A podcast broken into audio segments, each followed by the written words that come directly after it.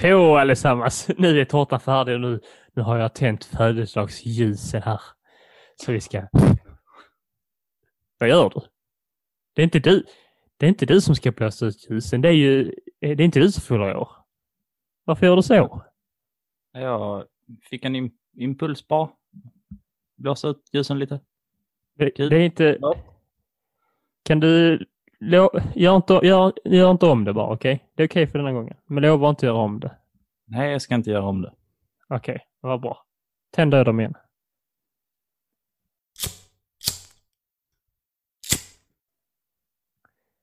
Så, okej.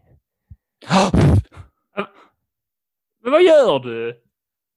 Du lovar ju att du skulle göra om det igen. Jag vet, men det... Det är inte till dig. Nej, men det, det, kändes, det kändes bra, okej? Jag, ska, jag, jag ska inte göra om det. Jag ska inte göra om det. Alltså, nu, är lite, nu är jag snäll och litar på dig. Lovar du att inte göra om det igen? Men ja, jag ska inte blåsa ut några fler ljus, okej? Engångshändelse som råkar hända två gånger. Händer aldrig tre gånger. Mhm, okej. Ja, tänder väl igen då. Men, men vad i helvete!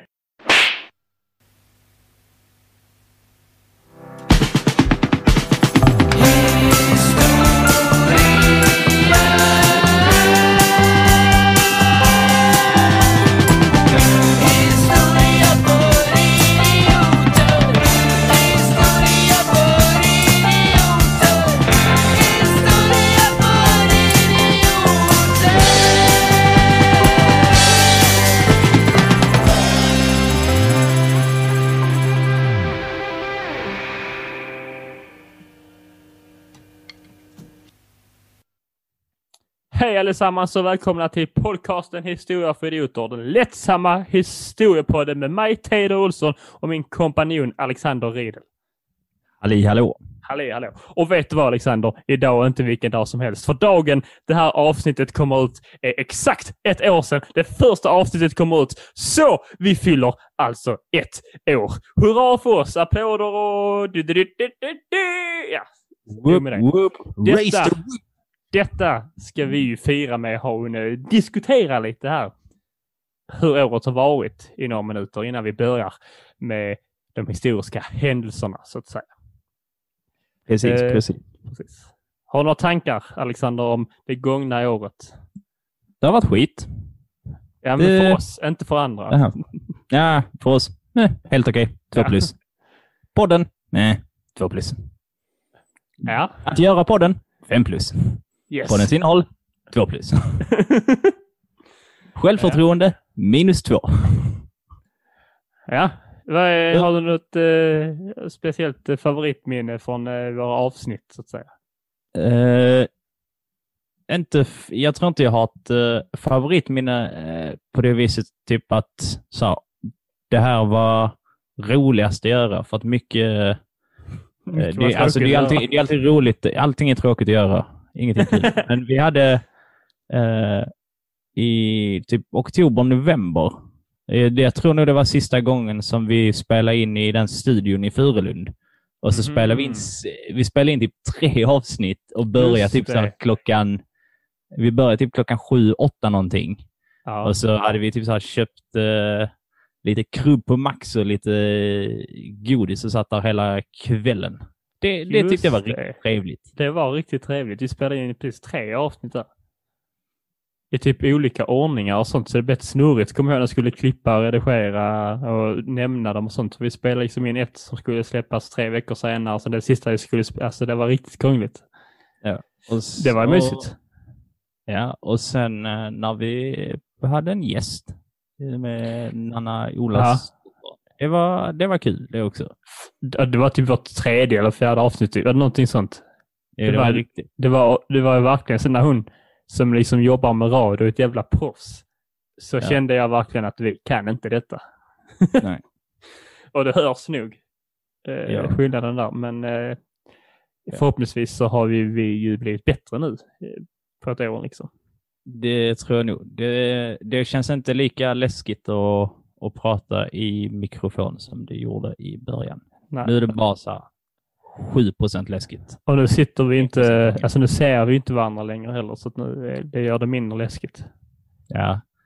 Eh, nu har jag, eller ja, vi ser ju varandra fortfarande, Ja, som att vi spelar in på Zoom. Eh, jag känner att du tar, dig, du tar dig friheter nu när det är på Zoom. Så att du tänker att det syns inte när du tappar fokus och tar upp mobilen. jag tar aldrig upp mobilen. Jag har, eh, jag har faktiskt reflekterat mycket över hur lätt jag tappar fokus nu eh, jämfört med, alltså på Zoom jämfört med icke-Zoom. Eh, även tills vi har haft lite lektioner nu i, i skolan istället för på Zoom och det är en, helt, det är en helt annan eh, tävling så att säga. De tävlar på olika banor de här olika med, live action och Zoom är ju inte ens i. Nej, Det det, mäta.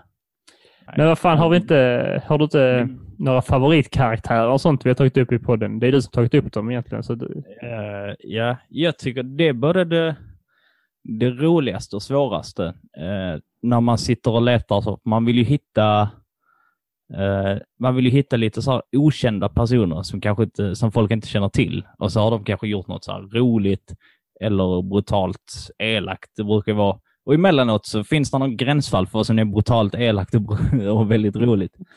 Eh, men jag tyckte att han som, eh, han som klottrade, eh, Ja.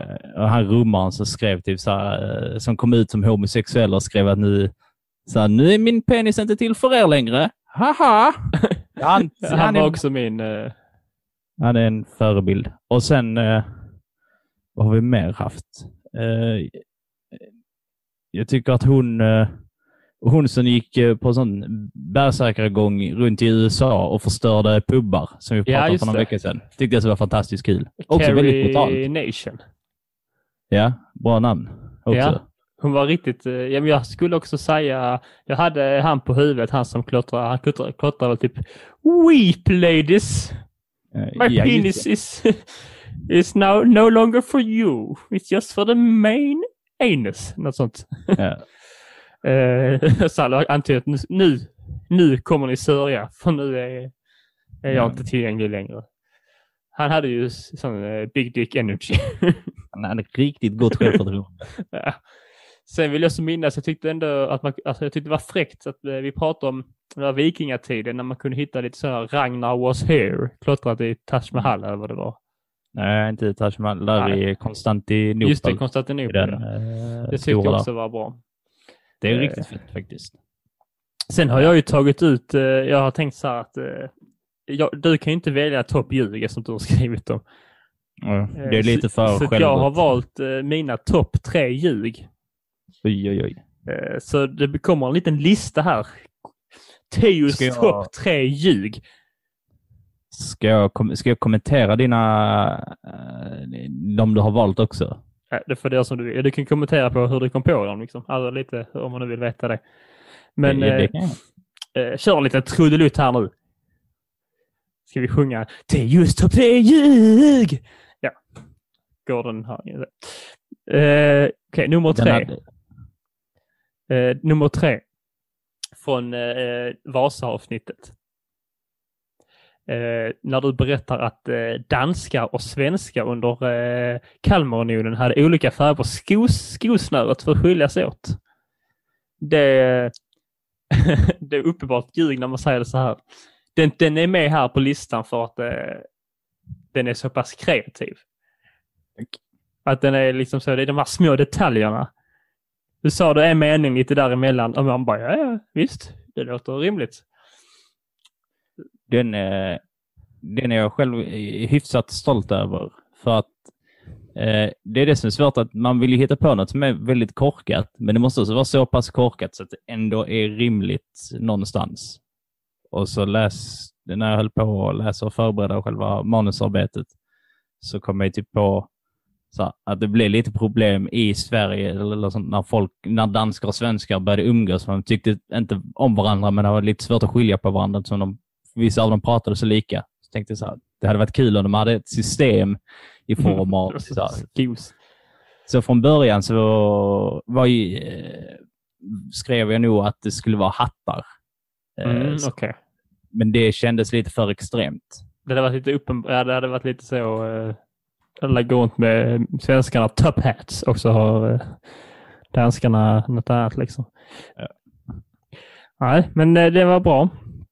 Det här är nog min, alltså det här är den här är riktigt bra.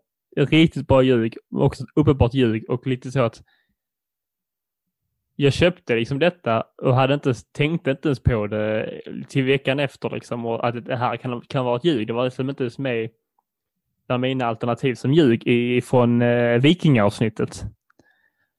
Där eh, du, du berättar om att de där extra lilla båten bakom vikingabåten, där det satt slavar och höll full om maten. Eh, det var ju så uppenbart ett jävla hittepå. Och jag bara, ja, ja visst. Det är så jävla dumt. Det är nog mitt, alltså, ja. Jag tyckte det var så jävla... det, var, det var Det- verkligen så dumt så det kunde vara sant. Ja, alltså det, det avsnittet så här, eh, då hade jag glömt. eh, Så här, för att ofta så är man lite för fokuserad eh, på att samla fakta, strukturera det och ta ut liksom, det här är mest relevant utan att behöva eh, vara för djupt förklarande. Så glömmer man bort, lite bort av att man måste hitta på ett ljug också. Och den fick jag typ så här verkligen nödlösa. För jag höll på att läsa om båtar och sen bara, vad fan, så här, om man åker med en sån liten träjolle till, från liksom Danmark till USA, var har man maten? Det tar aslång tid. Och så ser man liksom så här, nej, de sitter bara där på däck. Så ja. Då fick de säkert ha en sån. Det, det känns ju jätterimligt. För jag, tror Jag kommer frågade ihåg att jag tänkte, jag, jag tänkte på det också när du sa det, att men den kan de väl bara ha på båten. Typ. Sen tänkte jag, men de kanske vill ha det. Så det är också ett, eh, ja det är det bästa. Sen kommer det här, alltså, det här ljuget. Ett, vänta, hur, hur är tvåan det bästa ljug? Det här ljuget är riktigt, eh, mm, det är lite, lite skamfullt ljug detta. Oj. Den här ljugen, ljuget är från typ hälften av våra avsnitt och det är den gången vi sa att vi skulle bli bättre på att komma ihåg ljuget. Ja. Det Och det har vi fan. inte blivit. Ja, Men det ligger typ bara på dig. Men eh, det ligger bra på mig. Men eh, sen alltså, vissa av gångerna har jag skrivit ett ljug. jag glömde Så säga glömmer det. jag säga det för att eh, du ställer typ så här, du eh, kommer med någon spaning eller fundering och så går och så pratar vi om det en stund och sen går vi vidare till nästa punkt och det är bara, åh nej. Och då är det svårt att typ bara, "Ja, visste du att eh, danskarna och svenskarna hade olika skosnöre? Ja, vi började prata om att lämna Kalmarunionen liksom. Ja. Men ja. Ja, men så kan det mycket väl vara. Men ska vi med det liksom säga att eh, nu inför eh, det andra året av HFI eller Historia för idioter så ska vi, eh, har vi försökt planera ihop, ska planera ihop lite eh, stö, större struktur på avsnitten kanske. Jag Ja, det inte- synd att säga, men lite, vi, ska, vi lovar att vi ska ha mer planering inför avsnitten har vi bestämt. Så det kommer att vara Sjuk diss. Det betyder inte att vi inte har haft bra planering, men jag ska väl också bli lite mer involverad i planeringen av avsnittet. Och då kommer det kanske vara lättare att bibehålla ett ljug i varje avsnitt. Ska vi Ja. lova nu att inför att kommande avsnitt nu eh, så kommer det ett ljug så vi sätter stor, stor press inför Yes. nästa år. Ja, vi, vi har ju också, eh, ingen av oss har ju gjort eh, eller varit med i en podd eh, tidigare. Så att det här första året var ju väl lite mentalt tänkt att det här är eh, för att, eh, vad ska man säga, bli, bli trygga i själva poddandet. Alltså så här, komma i fas och veta. Det tar ju lite, det har ju tagit lite tid för att rent krasst tror jag att om, nu tänker inte jag göra det så här för att jag vill inte lyssna på vårt första avsnitt. För att jag känner att uh, då kommer Ja, jag bara fan. lägga, och lägga, lägga, så här, lägga mig med kudden över huvudet i flera veckor. Men vi har ju utvecklats eh, eh, framåt till något bättre, hoppas jag. Och det, det tror jag. Ja. Sen har det Eh, fått vara lite... Vi fick ju låna en studio i början. Sen blev det mycket mer med covid under november där liksom. Och Ja. De fick stänga ner den studion och då fick vi ta drastiska åtgärder och köpa någon billig mick och sitta på Zoom. Så ljudkvaliteten har väl varit lite varierande, men så får det vara när fattiga studenter sysslar med teknik. Yes. Nej, Eh, men men, bara- det ska väl förhoppningsvis bli bättre så småningom. Det är väl halva Ja. grejen med en eh, podcast, att ljudkvaliteten ska öka längre man kommer så att säga. Eh, ja, precis. Med Så det sagt det- så, Ja. eh, så vill Alex Innan- säga något annat. så vill jag säga något annat. Uh, nej, så till säsong två, eller vad man ska kalla det. Det blir ingen säsong, så att vi om två veckor igen från när det här släpps så är det ett nytt avsnitt. Men så kommer det bli lite eh, det blir lite förändringar i avsnitten och vi kommer att ta upp eh, andra grejer. Och avsnitten kommer inte vara lika så här, övergripande som de är nu. Det kommer att bli lite mer eh, detaljerat, att vi kanske grottar oss ner i små saker och så lite andra typer av eh, avsnitt än vad det varit hittills. Men det kan vi ta när den dagen kommer. Och, och nu undrar säkert ni alla, vad var förra veckans ljug? Teo, har du listat ut förra veckans ljug? Uh, ja, det tror jag nog, men det är mycket för att du har sagt det till mig. Så jag tänker inte gissa, för det blir tråkigt för lyssnarna. Så... eh, och jag kommer faktiskt inte ihåg vad du sa dock. men eh, det handlar ju om Hitler, förra avsnittet. Ja. Så att ljuget är förmodligen om honom. Flyget skulle jag säga är om Hitler. Jag trodde att det var att han hade suttit i finkan, trodde jag ju. Och vilken bok skrev han i finkan? Eh, Kalle och chokladfabriken, han skrev Mein Kampf. yes. Precis. Eh, det vet väl alla. Tänk om man, tänk om man inte skulle veta det när någon frågar bara sådär. Tänk om man bara skulle säga, "Nej, jag har ingen aning. Pinsamt. Du har, du har ju förlorat all rätt att, eh, så här, när du kollar på Vem vet mest och Muren och Påskmiljonären, att säga så här, "Ha! Hur kan de inte det? ja, det har jag verkligen. Men eh, då får du ta och berätta ljuget nu då. Om, eh, om han har suttit i finkan som du påstår. Han har suttit i finkan där han förtjänade att sitta. Men han var däremot inte en lång man som eh, kufade sig för att se lite svagare ut för att eh, luras. Eh, utan han var... Han En liten var kuf. liten. Han var en liten guf och hade sådär fruktansvärt taskig kroppshållning. Ja. Eh, och väldigt, väldigt pösiga kläder, vilket inte gjorde honom speciellt gott. Ha- Har inte han, han har väl sån smal eh, dick energy. Fast han har självförtroendet. Men han har ändå...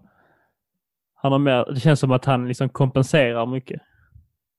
Det är förmodligen. För, Ja, alltså, Den tystnaden var när vi funderade på Hitlers penisstorlek. Yes. Med det sagt så ska vi eh, kliva rätt in eh, i del två av Hitlerklaveret så att säga och hans, eh, ja, hans maktinnehav. Ja. Då fortsätter vi ju inte alls där vi lämnade, utan vi ska gå tillbaks till början av 1900-talet. För att Hitler, han följde ju en, eh, en annan influencer i vad gäller att vara diktator i eh, djävulskap. Eh, och då undrar ju säkert du, Theo, vem, vem var Hitlers stora lilla förebild? Ja, jag var jävligt orolig att du skulle eh, fråga mig. Ja. Lite, li, lite, lite söder eh, ifrån Tyskland. jag, jag vill kopplingarna gå till Italien. Kopplingarna går till Italien. Och vem var diktator i Italien? Och vad heter han? F har jag i huvudet. Nej, det är fel. F som är fel. Exakt. Sen har jag Mussolini, men det är väl under Hitler, alltså under samma tid som Hitler? Mussolini är rätt svar. Det är det? Okej. Ja, men jag märkte att det blev lite, blev lite fel att börja hurra och så här, Mussolini. Men är inte, han var väl eh, i, samtidigt som Hitler? jo, men han tar makten i Italien redan 1922. Okej. Okej. Och eh, jag tänkte så här, Italien och Tyskland har ju lite av ett samarbete eh, i början i alla fall av eh, andra världskriget. Så att idag ska vi prata lite om, eh, om Mussolini och eh, Eh, Japan faktiskt. För att det är ju de tre främst som är i den här eh, maktalliansen eh, innan då kriget bryter ut. Så att vi ska prata lite om vad de hade vinna på att eh, starta ett krig och vad som då till slut gjorde att eh, kriget började. Och i början på 1900-talet, 1902 eh, tror jag, så eh, blir Benito Mussolini inkallad till att göra sin militärtjänstgöring. Och eh, Mussolini säger nej, den tänker jag inte göra.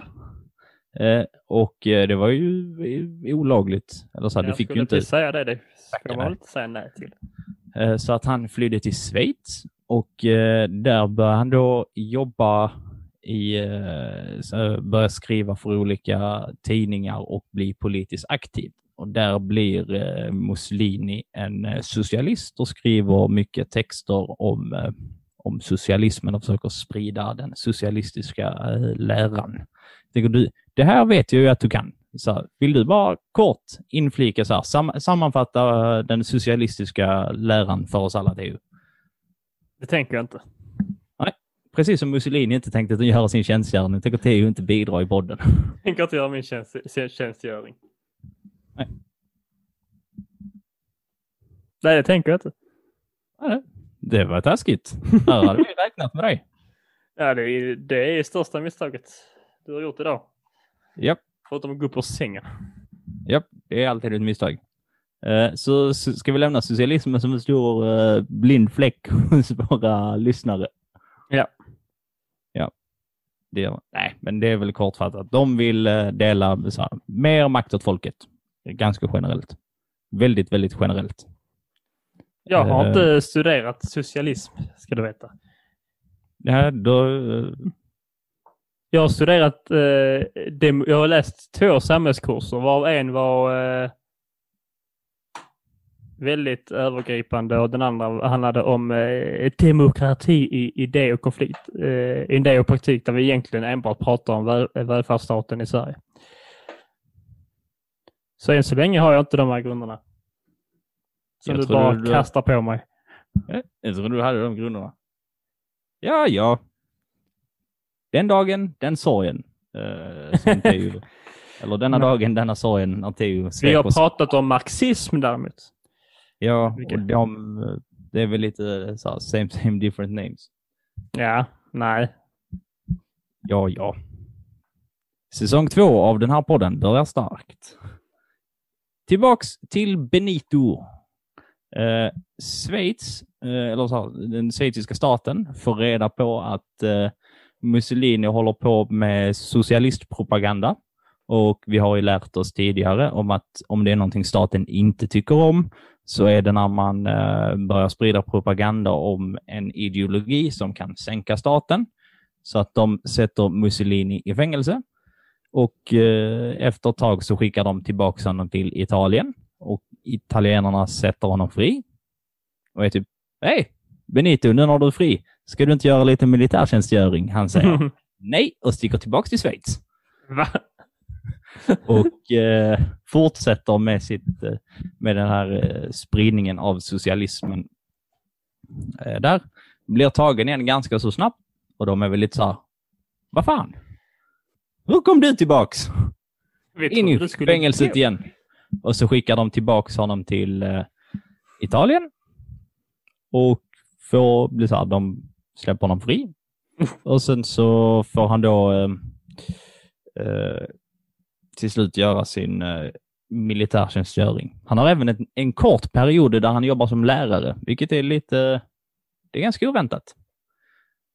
Och även att han, eh, en liten poetisk ådra som har växt fram där, skriver mycket eh, kärleksdikter och annat. Det kan man inte, det trodde man inte om Mussolini va? När man ser Nej. på honom. Han ser, han ser inte ut som en kille som eh, gillar kärlek eller glädje. Eh, han eh, fortsätter då eh, med sitt eh, socialistiska uppdrag och sprider eh, sin eh, lära i Italien och får ett ganska stort följe. Och under den här tiden så är han en stor eh, pacifist så att han vill ju inte, usch, krig, bu, bu. Så här, vad, ska vi med, vad ska vi med det till? Inget. Precis som den där eh, sången. Du vet den klassiska sången som är med i Rush Hour. Wow! Uh. Ja, den går så här. Bättre det än jag sjunger. Så här gör den.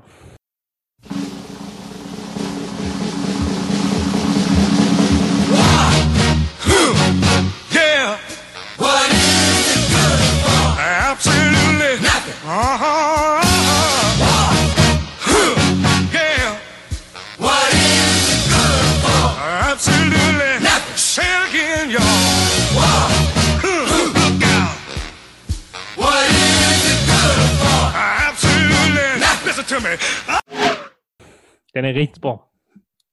Filmen alltså, tycker jag. Sången är väl okej. Sången är dunderbra, precis som, eh, precis som ni fick höra där.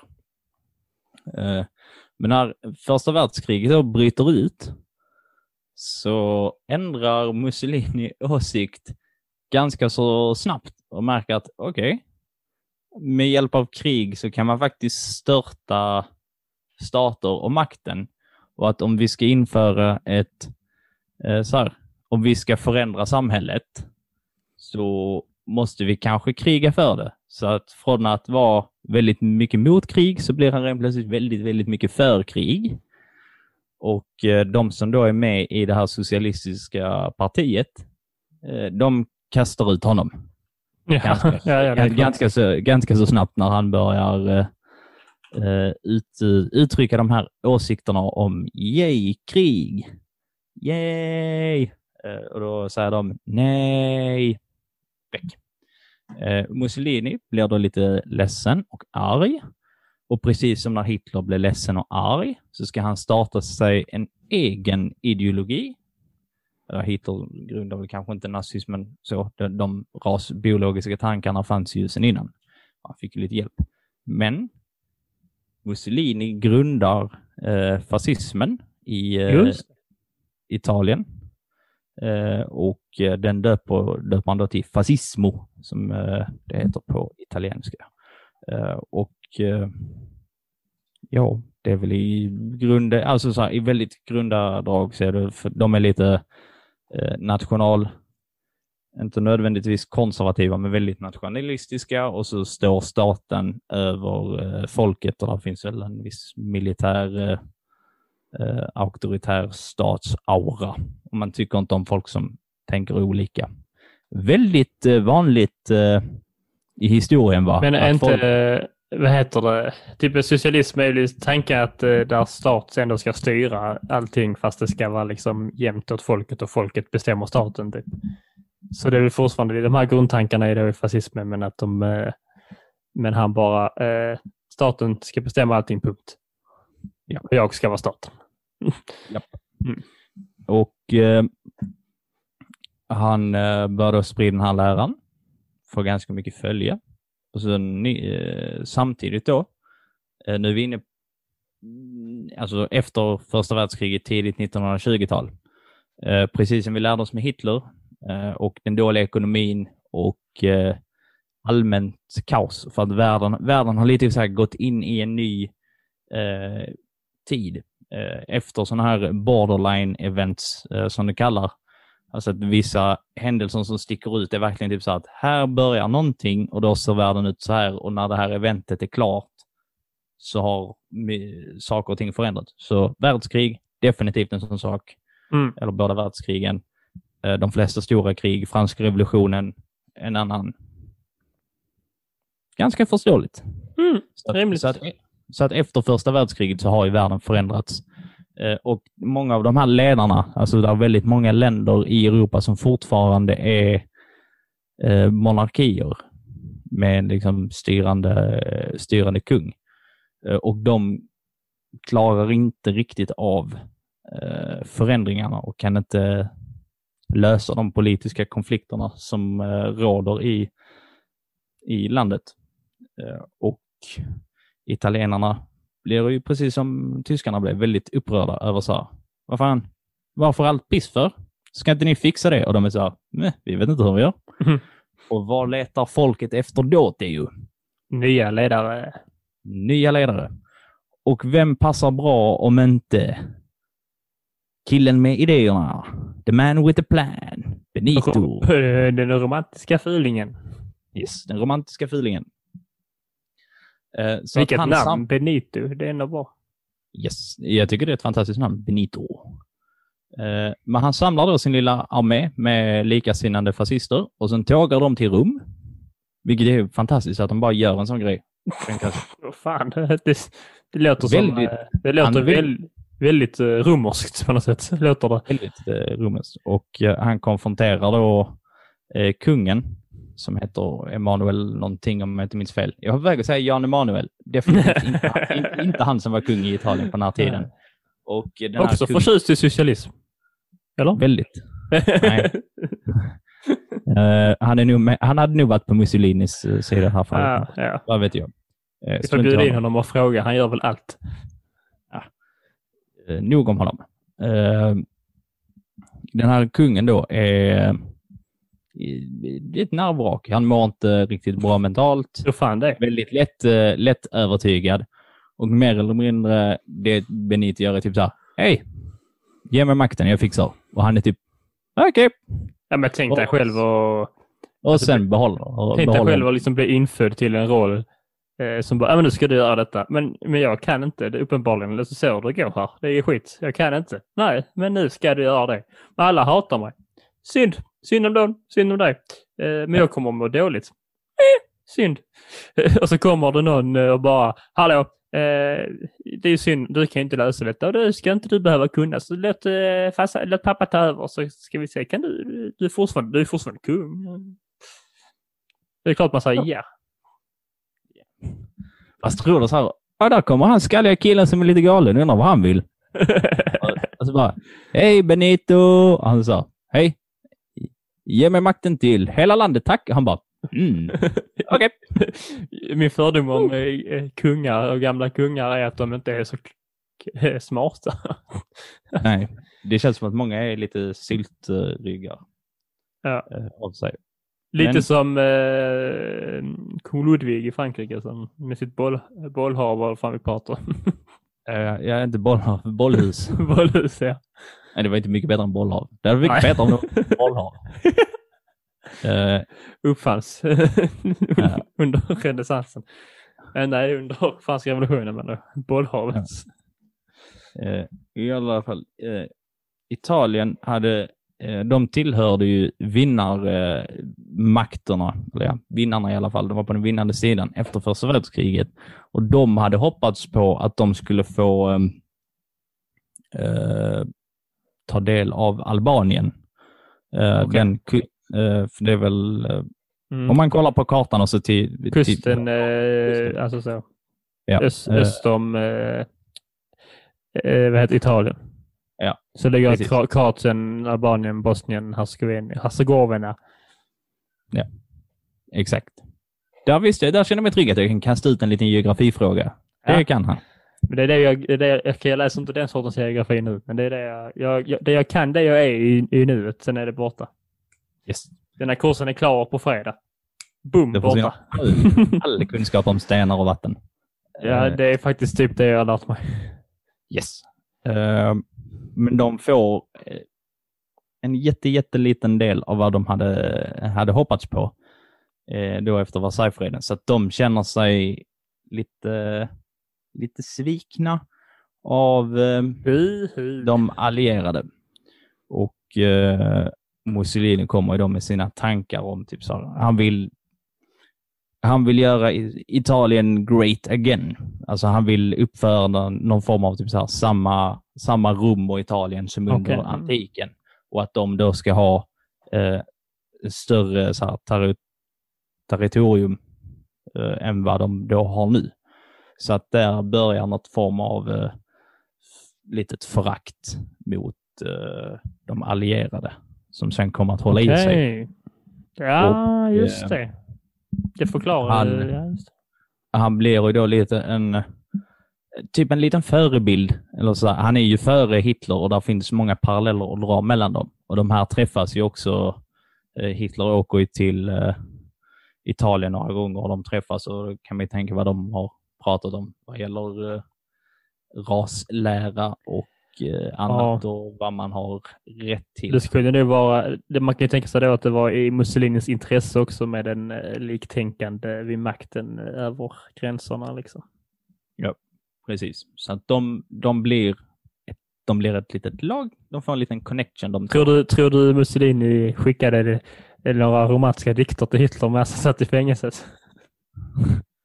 Nito och Adolf sitter i ett och utrotar ett land. Jag heter Benito utan Adolf är jag finito. Exakt. Ja. Så det, var, det är egentligen där Italiens bild i själva andra världskriget föds, eh, om att de känner sig lite orättvist behandlade efter, eh, efter eh, första världskriget och att man nu har börjat införa tankar eh, om att expandera Italien lite och göra dem till en stormakt igen. Jag har för mig att det är så att Italiens flagga på den här tiden, det här är väldigt, väldigt osäker kunskap, så citera mig inte på det, eh, men att där är någon form av, alltså så den ser typ ut som Italiens flagga gör idag, men att det är någon sån här eh, påle. Ja, jag kom på det så här, jag visar dig så här, Vadå? eh, hur en påle ser ut. Eh, och då, så, här, så lät det när de tryckte flaggan. Eh, och att det är liksom så en symbol för de här pelarna som man är kända för. Eh, antika Rom och Grekland. Eh, ja, inte helt, den har väl haft... Eh, den har ju sett lite har olika den, ut. Ja, precis. Det gör de oftast. Den har väl haft något form av kors i mitten kanske. Mm. Om det är det du syftar på. Ja, det kan det vara. Ja, Jag har bara för mig att jag har sett en flagga eh, som har med Italiens fascism att göra. Och det, Okej. eh, det, det bara, men det dök bara upp i huvudet här alldeles nyss. Eh, men annars var det väl det vi hade att säga om Benito och hans Italien. Det finns ju såklart massa mer att säga, men just för den här gången så är det det vi har att säga om dem. Varför måste man vara antingen skallig eller ha mustasch för att vara ledare? För att det ser fett ut. Det gör, är, det, alltså är det verkligen liksom så respekt in, eh, eh, vad heter det? ingivande att liksom vara skallig? Jag vet inte. Har jag gått en vän. Ja. Eh, Är det typ så att oh, han bryr sig inte om eh, hur han ser ut. Han har annat viktigt att tänka på. Typ. kan vara. Han har tänkt så mycket han tar upp allt hår. Ooh, han är ja, men, smart. Ja, men bilder på gamla filosofer som också alltid är skalliga. Men det är ju det för att de grundar sig i så här eh, marmorstatyer. De inte har hår. De har hår på sidorna. Men det är bara så, nej men skit i toppen. Alla filosofer hade egentligen en jävla kalufs liksom, typ som du. Men Tack. så målar de dem som mig, eller må, måla, ja. Avbildar dem som mig. Nice. I alla fall. Nu lämnar vi Italien och tar oss till Japan i början av eh, 1900-talet. Innan vi snabbt bara, jag bara kom att tänka på de här filosofkransen då, är det att man, man har hår runt liksom eh, där nere och skallig på toppen, som min farsa då. eh, Har ju så, men han, är inte, eh, han sitter ju mest och skriker på att eh, Albin Ekdal slår dåliga passningar. Japp. Går att jämföra med antika Greklands filosofer. Jag tror det. Så, fast Albin Ekdal på den tiden var en bonde. Eller hur? Just det, och de analyserar liksom, ah, deras passningar var affärerna med grannbyn. Japp. Ja, just det. Vad hände med Japan då? Jo, i början av eh, 1900-talet så har eh, USA lite kontakt med Japan och eh, en eh, affärsrelation. Och eh, well, de enda som tjänar på det är USA för att de lurar, alltså, de lurar dem typ mer eller mindre på pengar. Så att USA, jättebra. Jättemycket pengar. Japan, mm, så här, nej inga pengar och så här, landet blir allmänt fattigt, folk svälter. Det är mycket trist. Eh, och eh, Japan har inte så mycket naturresur naturresurser under den här eh, perioden, samtidigt som de då försöker handla med eh, USA och sälja. Och såklart, ett land behöver eh, naturresurser för att kunna alltså, överleva och frodas. Har Japan fått fler tillgångar i naturresurser de senaste hundra åren du? Ja, vi kommer till det. Eh, så för att de ska få lite Okej. mer naturresurser Behöver de ta över? ger de, eh, ger de sig på Kina. Okej. Eh, och eh, det gör de ganska bra, så de tar över stora, eh, de tar över stora delar av Kina. Men då kommer Frankrike, Tyskland, Ryssland och Storbritannien och säger wow, wow, wow, wow, wow. Vad, så här, vad håller ni på med? Sluta! Man kan inte bara ta över ett land och ta deras grejer. Och Japan är så här, "What? Förlåt, förlåt, var tvärt, vi, så här, vi går tillbaks till ön här borta. Vi ska, vi ska, vi ska inte vara på fastlandet. Hej, hej då. Och sen när Japan har stuckit så, så skördar liksom de här länderna eh, framgångarna. För att då är ju Kina eh, ganska svagt på sina ställen. Så då kommer de och bara, hej! Titta vad enkelt det var att ta Alltså, vad de här ställena i Kina och få massa naturresurser. Och då är Japan lite men hallå, så det, vi har gjort allt det här jobbet. Jopp. Det, what the fuck. Så vadå då? Så kan vi få det? Nope. Så liksom eh, västvärlden kom in där som ett sån störig säljare som står utanför någon butik. Ska... innan, du går, innan du gör detta, va? Ska jag, lo- detta tjänar jag ingenting på. Men om du bara skriver under här, säljer din själ till mig, djävulen, ser av en gubbe bakom, bakom hörnet här och så får du en sak gratis där inne i butiken. Typ. Fy fan, jag hatar dem. Eh, ja. Eh, Jag tänkte att vi kanske ska vi kanske ska ta och lyssna på en liknande situation. Ja, men vad fan Frankrike, Storbritannien, Ryssland och Tyskland. Ni har, ni har inte gjort någonting på detta grupparbetet. Inte, inte, inte, inte någonting har ni gjort. Jag har gjort allt själv. Jag har gjort eh, jättemycket. Jag skriver i mycket lika mycket som dig, inte bara du. Nej, du har inte skrivit någonting. Frankrike har inte skrivit någonting. Japan har skrivit allting. Uh, what's I? I'm Great Britain. I do the greatest work. Yes. Don't lie to me. Om du med the greatest work menar att du har, är att man inte gör någonting, då har du gjort jättemycket. Så mycket har du gjort. Ingenting.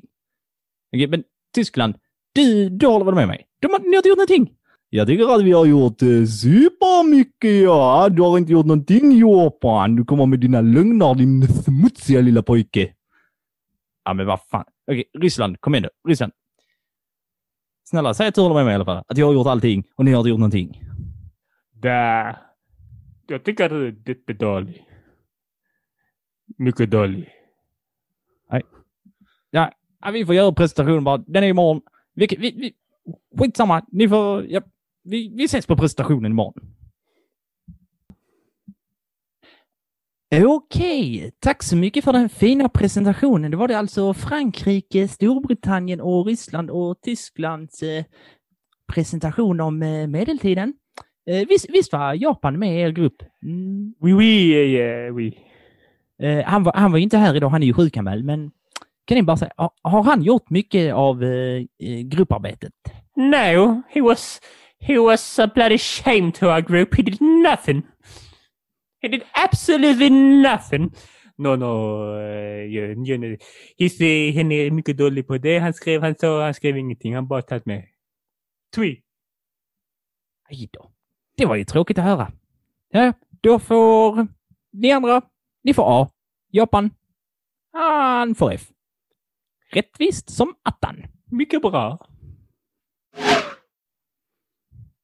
Oj, oj, oj, vad, vad okamratliga de är, de där eh, fransmännen, tyskarna, storbritterna och eh, ryssarna. Riktigt, riktigt Alla osköna. kunde, alla kunde lite bra på svenska förutom engelsman.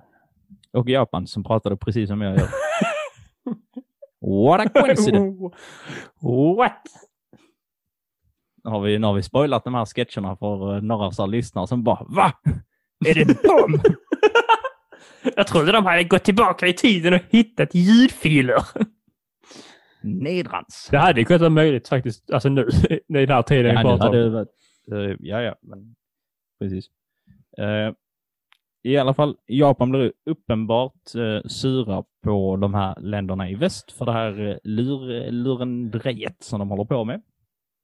Och efter några, mm, ja, de startar väl lite kolonier där och har sig och sen sticker de iväg. Däremot så lyckas Japan överraskande nog vinna över Ryssland eh, och ta lite mark. Det tar tillbaks det de en gång hade tagit av Kina. Det är lite sjukt att prata om Japan som någon så här, åh vad synd det är om de här, när de håller så här, det är ju synd om Kina, men så, nej, nej. ja. Stackars, stackars japanerna, här har dem kämpat och ta marken och så kommer Ryssland och tar. så tänker man så ser Kina däremellan och bara, men det är, det är nu när Kina är så stort och så mäktigt så har man kanske svårt att se att det är Ja. synd om dem, jag vet inte. Eh, Och under eh, första världskriget så tappar ju då eh, de här länderna, de tappar lite fokus, eller fokuset från, eller på Asien, släpper lite, vilket då ökar möjligheterna och chanserna för Japan. Så att de tar, börjar ta tillbaks det de en gång hade tagit. Och sen har de även 1931 eh, så gör de en, en liten kupp ehm, och, och ett väldigt klyddigt sätt att eventuellt starta ett krig, krig på. Eh, för att ett japanskt tåg ska då gå eh, till eh, Muncheriet i Kina 1931 och, och så spränger de så här. Det är Tåg? fortfarande ett tåg. Det de, då måste de ha haft delar hela i, i, eh, i vad heter det, fastlandet.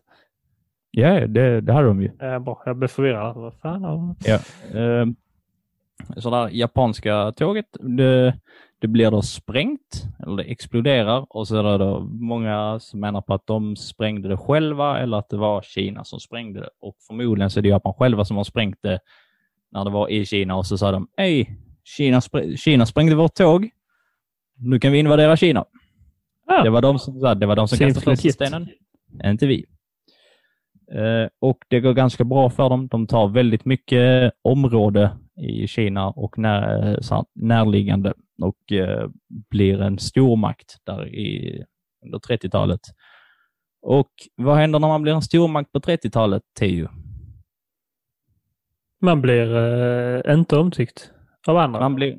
Stormakt då? Det brukar ofta vara så när man håller på att ta andras Då blir man inte omtyckt. Nej. Eh, man, får, eh, man får ju för sig att man är överlägsen jämfört med andra länder och eh, nationaliteter. Och så man får lite storhetsvansinne och tänker vi ska ta över världen. Ne, ne, ne, ne, ne, ne. Eh, Undrar vad det är som gör det liksom. För att, om man kollar så det har aldrig funkat. Någonsin. I ja, historien. det gick ju Ja, det gick bra för romarna, men alltså, men det persiska riket. de tog inte Alltså, över folk, kommer ändå, folk kommer ändå så här. Det, det blir ju nog svårare ju mer tekniken utvecklas. Men de första så här, riktigt stora rikena, det var ju typ så här 70 procent av hela världen som Ja, tillhörde. det är rätt liksom. mycket. Eh, men där var det också, eh, ja. Man, Men man vill bara ha mer. Ja. Kan väl bara bara- nö- nöja sig. Ja, Men det, eh, ja, precis. De vill ha mer och det är väl väldigt grumligt och förenklat. Eh, det som blir deras ingång i eh, andra världskriget. Så att Italien, Tyskland och Japan tycker inte om eh, de allierade. Så det är ju England och Frankrike och Ryssland eh, framför allt. Eh, Tyskland har vi som vi pratade om i förra avsnittet. Det är ju med Versaillesfreden. Lite likadant är det med Italien som känner sig svikna och har fått storhetsvansinne. Och Japan som också har fått lite storhetsvansinne. Så det är så att tre uppåtgående dundermakterna eh, har lite så här. De tycker inte riktigt om de allierade och har storhetsvansinne. Det kommer att bli problem. Det låter problematiskt och nu är vi lite inne i 30-talet. Ja, precis. Nu är vi inne i 30-talet. Så att nu vi Nu börjar liksom grytan bubbla så att säga. Och det är då det passar att klippa tillbaks till, eh, till vår eh, lille vän Hitler. Eh, För att nu, nu bubblar det rejält i den här kitteln. Topplocket kommer ju snart flyga bara. Eller rinna över är ofta det som händer när man kryddar med kastruller och lock. Det händer, Ja. händer väldigt sällan att eh, locket. Nej, det har aldrig hänt mig. Det rinner över och så bränner man fast vatten på spisen. Eh, det Hitler har börjat göra, det är att han har börjat rusta armén. Och när någon börjar rusta armén så är det ju sällan ett gott tecken på att nu kommer det bli guld och gröna skogar. Eh, Det här tycker inte riktigt England och Frankrike om. Dels Tyskland börjar rusta, det här kan inte båda gott och det bryter mot Versaillesfreden. Just det. Och sen så ska han också eh, ta över eh, eh, det- som på svenska heter så här, renlandet, brukar man kalla det. Det är ett område i, som gränsar till Tyskland och Frankrike. där Tyskland från början hade eh, stor del av sina militärer. Men efter första världskriget så bestämde man att det här området är liksom fransk övervakat. Heter det, heter det Renlandet? Ja, men det heter typ så här Rheinland på, på tyska. Är det många Alltså- renar? Nej, Är det, inte rent? Det är jättesmutsigt. Du ska inte fastna på det för länge här. Nej. Ehm, så att de bestämmer sig för att man ska ta tillbaka det här området och så här, skicka iväg fransmännen. Eh, men däremot de orderna som Hitler skickar är liksom så att ifall Frankrike börjar slå tillbaks så, så får vi så här, då är det snabb reträtt så att vi ger oss inte in i den kampen. Men Frankrike gör det Frankrike egentligen gör bäst. De ge- ger sig. Så att när den här tyskarna kommer sen typ så här, jaha, ja ja. Ja, de vill nog ha detta området mer än vi vill så vi får, vi, så här, vi får dra killar. Eh, Låter klokt. så då har han tagit tillbaks det om, området också. Och eh, där fanns ju liksom så här eh, militäranläggning. Eh, Så nu har han fått lite eh, vinnarsmak om momentum. Ja, han har fått gott om eh, momentum. Och sen bör han också allt mer, alltså så här, nu har han, eh, så här, nu är han ju ledare i landet, han har börjat få militärmakten så att nu kan själva den stora planen gå till, eh, börja skrida till verket. Och det han då vill göra, det är att han ska, han ska samla alla arier under, eh, i liksom, i samma, i samma land. Och då kallar han då det liksom så att han ska införskaffa sig mer Lebensraum, så mer liksom livsrum. Helt enkelt. Han ska göra Tyskland större så att alla arier och tyskar kan bo eh, tillsammans. Jaha. Och eh, för att eh, du kommer kanske ihåg när vi pratade om Otto von Bismarck. Ja. Så han samlar ju alla tyskar under ett ganska så stort eh, eh, rike. Där i slutet på 1800-talet. Men sen i Versaillesfreden så funkade det inte jättebra om Tyskland skulle vara sådär superstort. Så att man liksom så här, eh, krymper eh, så här, den tyska staten. Det blir mycket mindre. Men utanför Tysklands gränser då, som det nu är uppritat, så bor det massa tysktalande runt omkring Tyskland som tillhör andra länder. Just det. Och det, och det Just det. Adolf då vill, det är väl liksom så här, ja men de, så här, klart de ska vara med oss, de är också arier. Eh, så att han bör då, ska ju då samla ihop dem innan, eh, och det är ju liksom första stenen i hans tredje rike innan han ska ta över världen. Så först Okej. så går han ju, är väl typ 30, 1937 tror jag det är, eh, som han går in i Österrike och är, då där bor väldigt många tyskar. Och de vet ju så här, vem Hitler är och vet att han är österrikare från början. Så att han är ju hyfsat omtyckt där. Och är mer eller mindre, hej, vill inte ni också vara tyskar och lida under mig? Och de är så okej då. Okej. Så att det går ganska enkelt. Eh, Men sen, eh, och det här, eh, den här nyheten sprider sig då till de allierade länderna. Och är lite så här, vad, så här, vad håller han på med?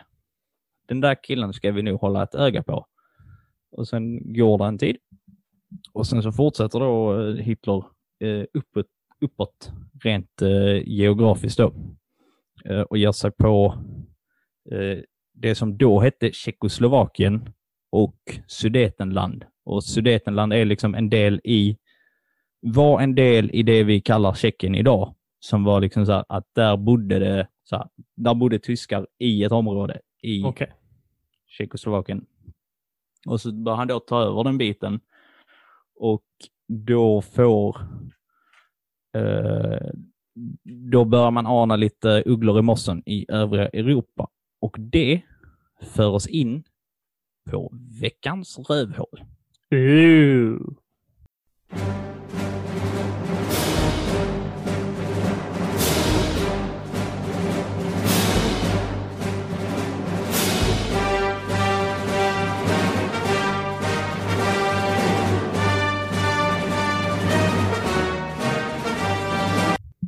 Klingade veckans rövhål jingel ut, tror jag. Hoppas jag. Eller så kommer det nu. Och där slutar den igen. Eller så slutar den inte alls. Ingen vet. Eller Theo vet. Och ni vet. Jag vet inte. För att jag hör inte musiken här. Nedrans. I alla fall. Till skott. Veckans rövhål är den store människokännaren Neville Chamberlain. Oj, Ja, är han en Tänk. britt? Japp, han är... Var det han vi hörde i den sketchen innan? No! Nej, han var nog inte premiärminister på den, eh, på den tiden. Ehm, däremot eh, så är det ju han vi gör lite narr av på, i vår intro-sketch. Och jag skulle väl säga att eh, veckans rövhål är ju, eh, för er som kanske är lite nya lyssnare, eh, det är ofta antingen någon som har gjort någonting väldigt, väldigt elakt på, på gränsen så att det är, lite, så här, det är lite smålustigt för att det är oproportionerligt elakt eller lustigt på andra sätt. Eller någon som har råkat göra eh, ett grovt snedsteg som får eh, stora, stora och hemska konsekvenser. Och när Hitler börjar ta över eh, Sudetenland så anar man, eh, så måste han agera. Och eh, han åker då och har ett möte med Hitler. Och så sa hej Adolf. Sluta upp och så här, bara ta över folks länder. Och Adolf är lite så här, okej då. Förlåt. så här, kan du skriva på det här, eh, så här kontraktet på att du inte så här, att du, du kan få behålla det du har tagit, men du får inte ta över mer än vad du har liksom tagit. För att då måste vi säga till på skarpen. Och han är så här, ja ja, jag skriver väl på då. Och så skriver Hitler på pappret. Chamberlain åker tillbaka till England och så visar han då liksom, titta, Hitler har skrivit på. Vi har undvikit en stor eventuell konflikt. Jag har fixat det. Jag är en hjälte. Eller han säger inte, han, är, han säger inte själv att han är en hjälte, men lite. Och sen säger han också dunderjinxen, peace in our time. Och det är lite så att han, han tror att han har åkt och fixat liksom, eh, världsfred och egentligen så fort han har kommit till, eh, tillbaks till England så har Hitler tagit Tjeckoslovakien. Fy fan. Det, är det är inte, det är inte så att eh, Chamberlain är en ond person. Han försöker, han försöker göra det rätta, men hade, hade man kanske tagit i från med hårdhandskarna som det heter från början Mm. så hade, så hade det nog eh, saker och ting kunnat bli annorlunda. Eh, Så därför får han vara lite veckans rövhål. Ja, men det är väl det grejen med veckans rövhål och de här att eh, han är inte nödvändigtvis ond, precis som du sa, men det är liksom så här, som förra, var det förra veckan när det var hon som eh, övertalade Hitler att inte skjuta sig. Eh, som hon är ju en god människa liksom, i grund. Eller hon- Eventuellt. Hon ver- verkar ju sympatisera med Hitlers och hade ganska icke goda värderingar. Eh, Men ja, skitsamma. Så det är, ja, men det är precis. Händelserna är mer rövhåliga än personen, men personen som ligger Ja. bakom dem får, får lida den titeln så att säga. Han, han ska ju också ha sagt att eh, så här, jag har träffat Hitler. Han verkar vara en god man som håller sina ord. Så här, lov, lovordat Hitler. Jag bara, eh, ja. Människokännare. Ja, människokännaren Neville Chamberlain. Nu börjar vi eh, närma oss eh, avsnittets lilla eh, slut här. Det är ju mer som ska hända som eh, då leder fram till krigets eh, start. Och den sista händelsen vi ska prata om det är Molotov-Ribbentrop-pakten.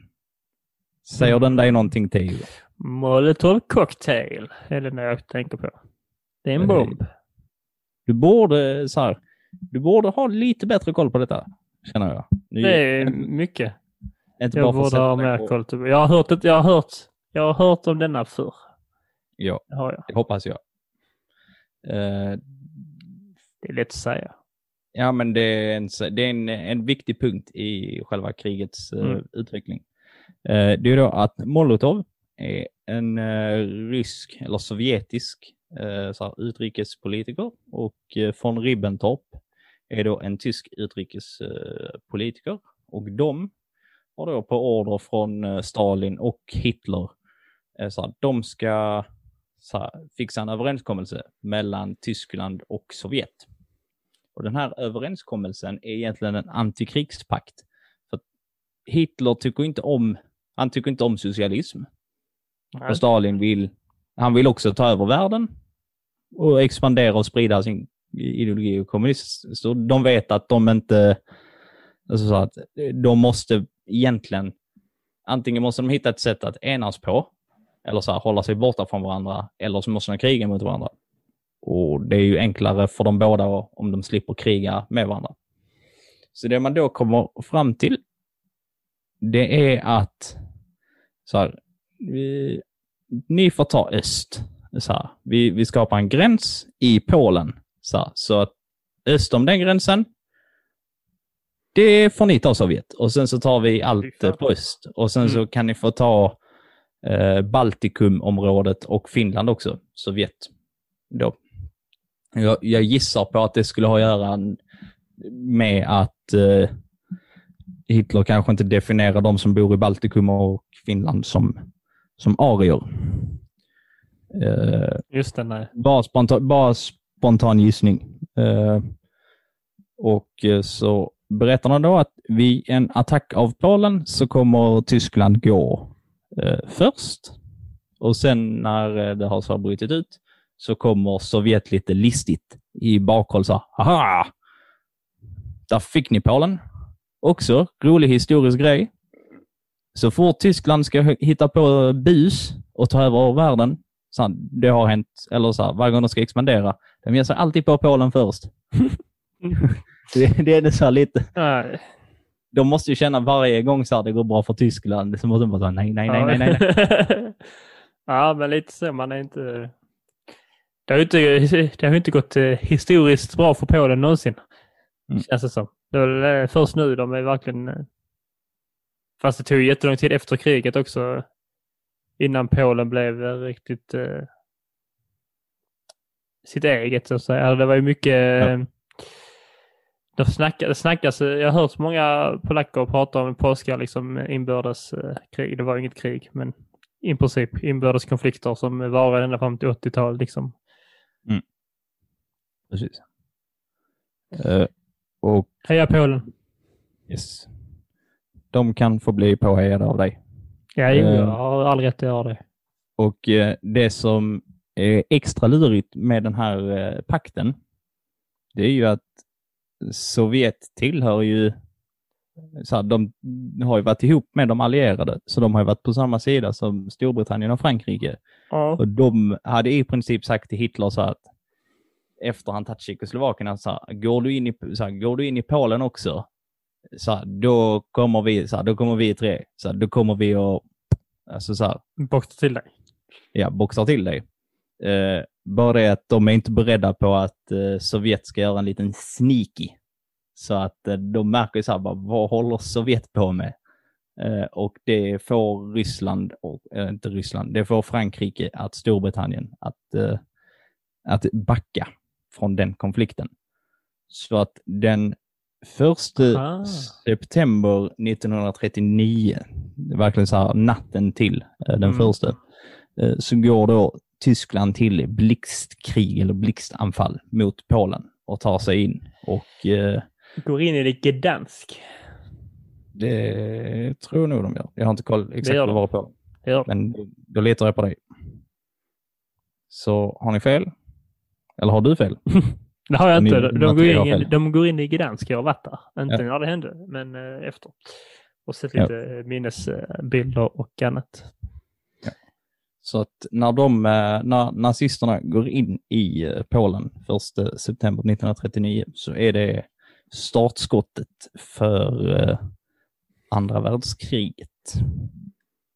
Och eh, jag har gjort en liten laglista bara för att folk ska ha lite koll på vilka det, det är som ställs eh, mot varandra främst. Och det är då axelmakterna som då är Tyskland, Italien, Sovjet och Japan. Och så kommer de då kriga mot USA, Sovjet, Storbritannien, Kina och Frankrike. Och Sovjet är på båda. Sovjet är på båda sidorna. Men det kommer vi prata om mer om. Känns som lite sneaky. Nästa vecka. Det känns som att man skulle kunna göra någon eh, Paradise Hotel eh, liksom analys av allt paktande. Vill du, vill du höra om veckans hjälte också innan vi avslutar? Ja, jag satt och funderade på varför blir det ingen hjälte? Det blir alltid en hjälte. Det är Ja. det fina.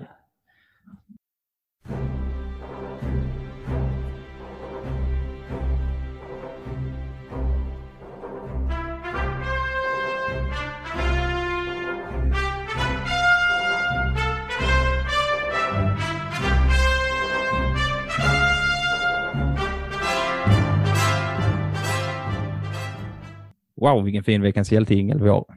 Det var lite svårt att hitta eh, vem man skulle ta eftersom när man läser om de här åren så är det ju framförallt taskiga eh, diktatorer och det har varit väldigt enkelt och kanske lite tråkigt att välja en av dem. Så här, Haha, Hitler är röv... Så här, eller nej, tvärtom. Jag menar när man pratar om rövhål.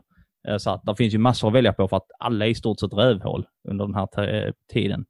Och där finns många liksom hjältar i form av eh, Alltså personer som då eh, förmodligen försöker göra gott och sätta sig emot, men de är svårare att få tag på. Men veckans hjälte är ingen annan än den store lille, lille mannen Charlie Chaplin. Jaså? Jaså? Det är lite överraskande va? Ja, men han är ju väl amerikan, eller? Nej, han är inte det. Han är engelsman, engelsman men han verkade i USA eh, på grund av eh, Hollywood och sånt där. Ja. Eh, Och det är framförallt för att 1940 så släpper han en, eh, en film som är kanske, kanske en av de viktigaste filmerna som har eh, liksom gjorts. Och den heter The Great Dictator, eller Den store diktatorn. Och i den här filmen så, så gör han, alltså så han gör en parodi på Hitler och Mussolini. Han gör satir Och, och det. Ja, han gör en satirfilm om, eh, om dem eh, då och deras ideologier och hur fel, eh, hur fel den här, det de håller på med är. Och tydligen så ska det här ha varit en av Hitlers favoritfilmer, vilket känns väldigt antiklimaktiskt. Så här, fattar han inte så här, eller tänkte han så här, han var roligt att de skämtar om mig. Eh, ja, men lite så. Det är så likt mig. så skulle jag säga. ja, jag säger att alla judar ska dö. Ja, men eh, det är verkligen så. Eh, och i den här filmen så försvarar han, eh, så det handlar, han, han spelar både Hitler och en annan karaktär i den här filmen, Chaplin då. Han spelar liksom en judisk man som jobbar som barberare. Så att vi får följa liksom så här den här taskmörten som är diktator då den eh, judiska mannen. är det stumfilm? Nej, det är hans... Han har väl gjort det också, men han har gjort det. Han är ju främst känd för sina stumfilmer, men det här är en av, alltså så här, det här är en riktig ljudfilm. En spelfilm. Alltså.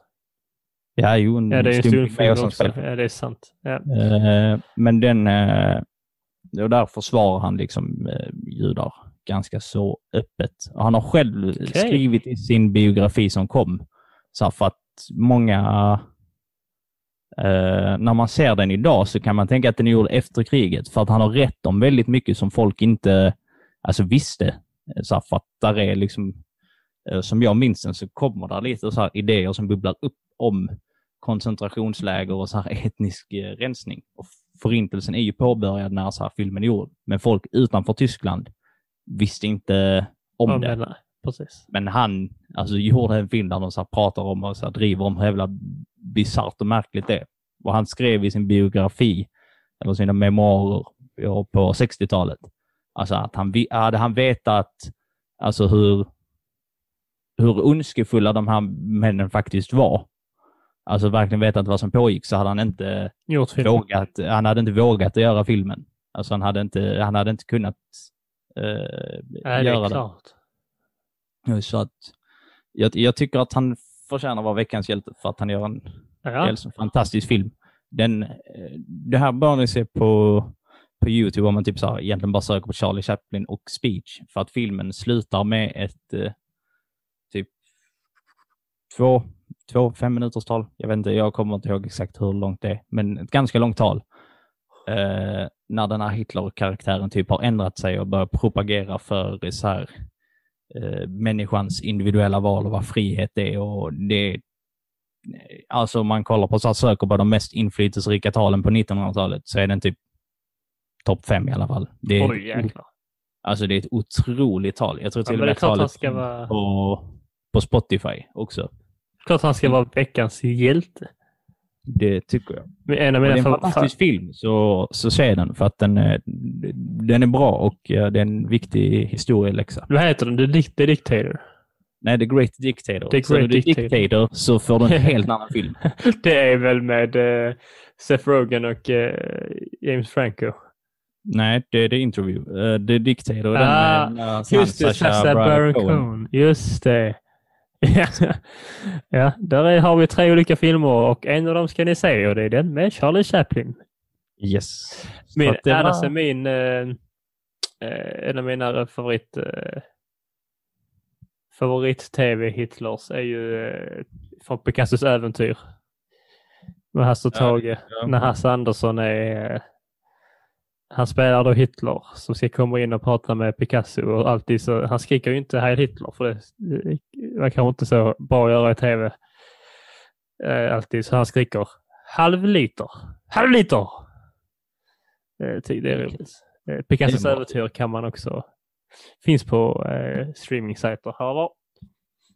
Ska vi, ska vi kanske avsluta sen med en Hasse och Tage-sång?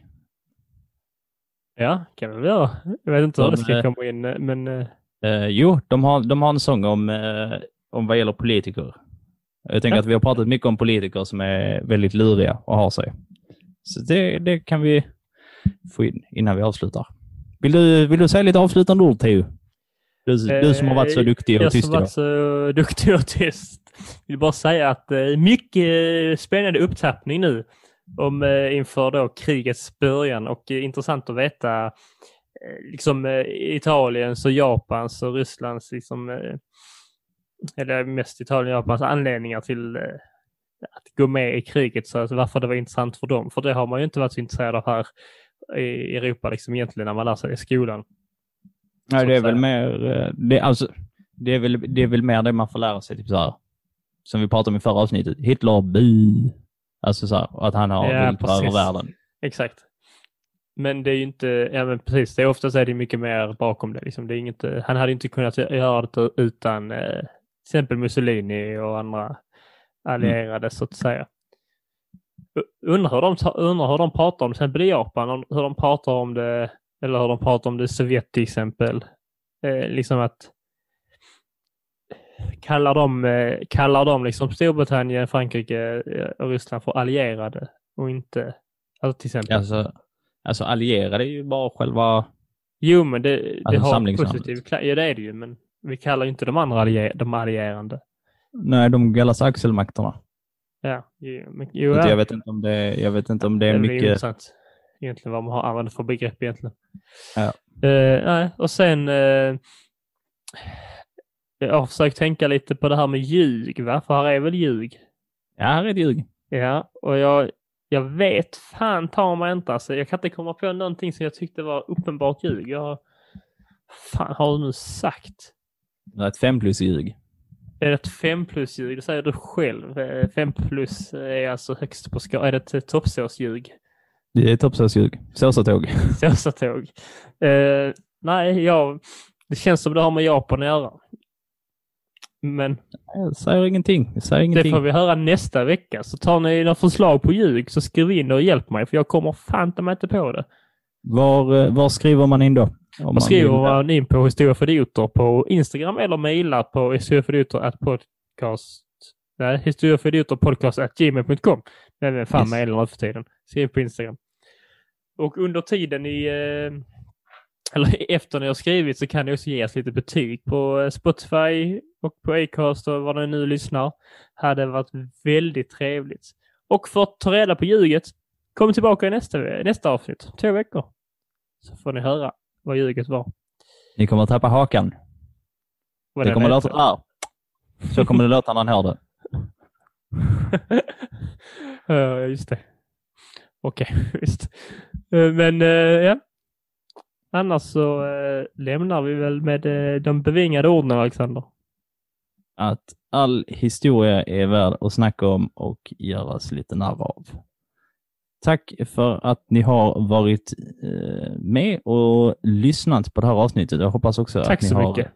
att ni har lärt oss. Och sen hoppas jag att vi hörs även igen i nästa avsnitt. Jag hoppas också att ni har lärt oss. Och sen eh, och under tiden så spelar vi en dänga om politiker av Hasse och Tage.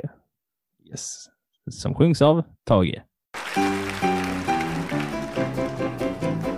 Har ni hört att man talar om politikerförakt? Jo då, det har vi hört. Det är tarvligt sagt. Har ni hört att politiker är ljusets riddarvakt? Också det har vi hört. Det är för mycket sagt. Sanningen är bara den att den du valt ändrats kapitalt. Ja, så det menar du? Ja, han har blivit någon sorts proffs. Vi förstår vad du menar.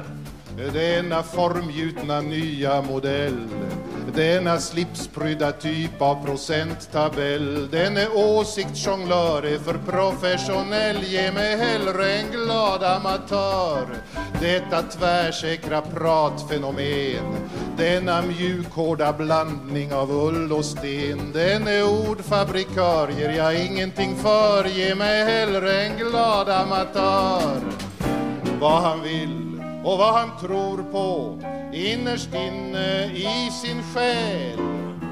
Vet man ej, han vill bli stor på att förbindligt verka vilja väl. Den är sluge expert på taktik som så flott solo vårar en bred publik så den smälter som smör. Den är epa-charmör, ge mig hellre en glad amatör. Ge mig hellre en glad amatör En som inga strategiska utspel gör Som kan vara spontan, säga det var som fan Och kan tveka som människor gör.